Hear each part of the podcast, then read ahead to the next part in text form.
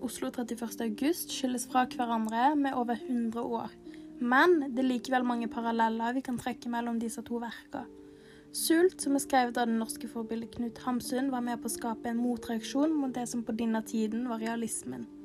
Hamsun oppfordrer de rundt seg til å skildre psykologisk utvikling av det moderne individet, og 'Oslo 31. august' er en film som ble regissert av Joakim Trier i 2011.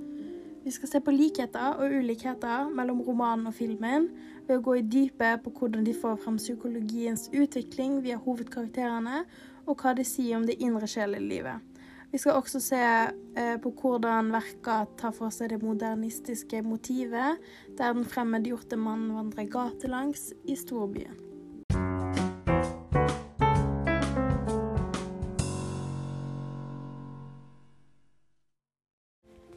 Hovedkarakterene i verka går fint an å trekke flere likheter mellom. Sult er en fortelling om det ensomme mennesket, og romanen er skrevet som en personalforteller. Det vil si at vi ikke vet noe navn på hovedpersonen. Selv om Oslo 31. august er en film som òg kan sies å være på bakgrunn av det ensomme mennesket, har vi ikke en personalforteller. Vi blir kjent med Anders. Han er en person som føler seg ganske alene i samfunnet etter han har kommet ut av en rehabiliteringsbehandling. Eh, Anders er en person som mange kjenner som rusmisbruker, og dette gjør at han er veldig vanskelig med å ta imot sympati og en sårbar karakter. Anders har et ønske om å bli bedre, men føler gjentatte ganger at han ikke har noe å leve for i samfunnet. At rollen hans ikke utgjør, utgjør noe forskjell, og sier at had, folk hadde klart seg bedre uten han. Dette får vi bekrefta i scener der Anders sitter på kafeen og overhører alle andres hverdagsproblemer, om vi kan kalle de for det, og dette bekrefter egentlig for Anders det at det er ikke noe spesielt å gjøre for samfunnet, eller i samfunnet for han personlig.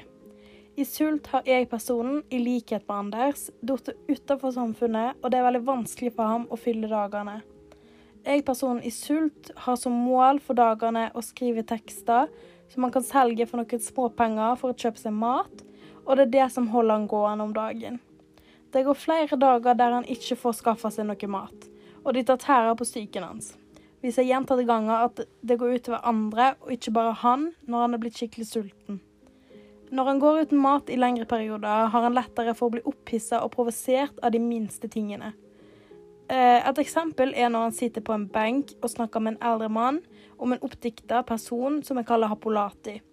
Jeg personen blir svært opphissa da den eldre mannen tror på alle hans galne oppdikta historier, og spesielt uten å stille spørsmål til de da.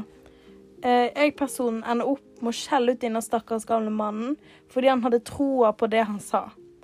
Eh, dette beviser hvordan sulten påvirker psyken hans, ettersom dette er en unormal reaksjon fra en sunn og frisk mann. Temaene i filmen mener jeg er prega av psykisk helse. Det er et veldig sterkt og veldig viktig tema å snakke om og å belyse. I filmen kommer det det med selvmordstanker og det å falle på feil side av samfunnet veldig sterkt fram. Og i dagens Oslo er det dannet en festkultur som er litt vel ekstrem.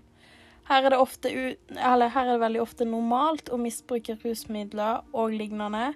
Eh, og det er ikke unormalt å ende opp så ute av det, da, som Anders er i denne filmen. I likhet med filmen mener jeg at temaet sult er prega av psykologiske utviklinger hos et menneske, og årsakene bak dette her, da. Eh, blant annet i tredje stykke av Sult er det flere hendelser eh, å stille spørsmål ved. Oppførselen til jeg-personen er spesiell, og jeg vil ikke si at vi kan stole på alt som blir sagt og fortalt, eh, og om det faktisk har skjedd. Det er fordi det går flere dager uten mat, og han har ikke vist seg for å være en mann med skikkelig god syke. Han har gitt flere dårlige sinnsstillinger, og han har ikke noe godt inntrykk Eller jeg har ikke noe godt inntrykk da, av hvordan han behandler andre. Eh, jeg syns spesielt at interaksjonen hans med Ylajali er veldig spesiell. Han klarer på en måte ikke å bestemme seg om for ting faktisk har skjedd, eller om han dikter det opp i hodet sitt. da. Og han tror blant annet at eh, hun sier han er glad i han, og hun klemmer han kanskje i et helt minutt, og sånne ting, da. Eh, og når han bruker sånne ord som å tro og kanskje, eh, og kanskje gjorde det, eh, da blir teksten veldig tvilsom.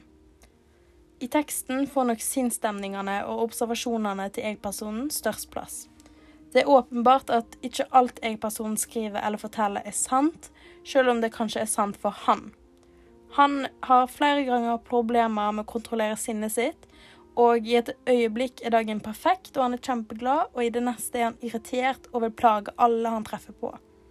Observasjonen har betydelig en større faktor for handlinga. Han beskriver det han ser og opplever, men ikke hva som skjer rundt han da. Grunnen til det er nok for å få et innblikk i hvordan det ser ut inni hodet til jeg-personen. Og Anders for filmen vil jeg si eh, stikk motsatt. Her observerer han det som skjer rundt han, men vi får ikke noen konkrete synspunkt på hva han tenker om det. Vi må lese mellom linjene og tenke oss situasjonen sjøl. Eh, det er ikke masse som går forbi Anders uten at han får det med seg. Han lytter til andre samtaler, slik som jeg-personen fra Sult, men lar de som oftest være i fred, i motsetning til jeg-personen fra Sult, som ville valgt å forstyrre og blande seg inn i de andre samtalene.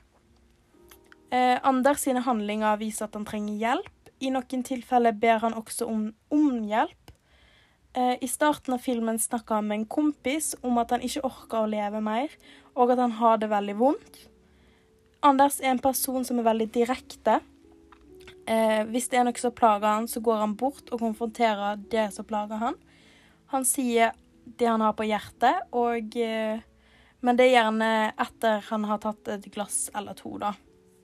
Eh, og når han er på en bar i filmen, så møter han en mann som har vært i lag med ekskjæresten hans etter Anders var det. Og eh, Anders går bort og konfronterer denne mannen, og senere drar i et bursdagsselskap der han kysser bursdagsbarnet, selv om hun har en annen kjæreste. Eh, og da opplever jeg at Anders er en mann som er veldig impulsiv, og tenker seg gjerne ikke om før han handler, da i likhet med jeg personen fra Sult. Eh, jeg oppfatter de begge som personer som handler ut ifra impulser og rasjonelle følelser. Og vi kan se at de trenger hjelp, og at de sliter psykisk. Og bak tankene og handlinga deres er ofte irrasjonelle og delvis aggressive.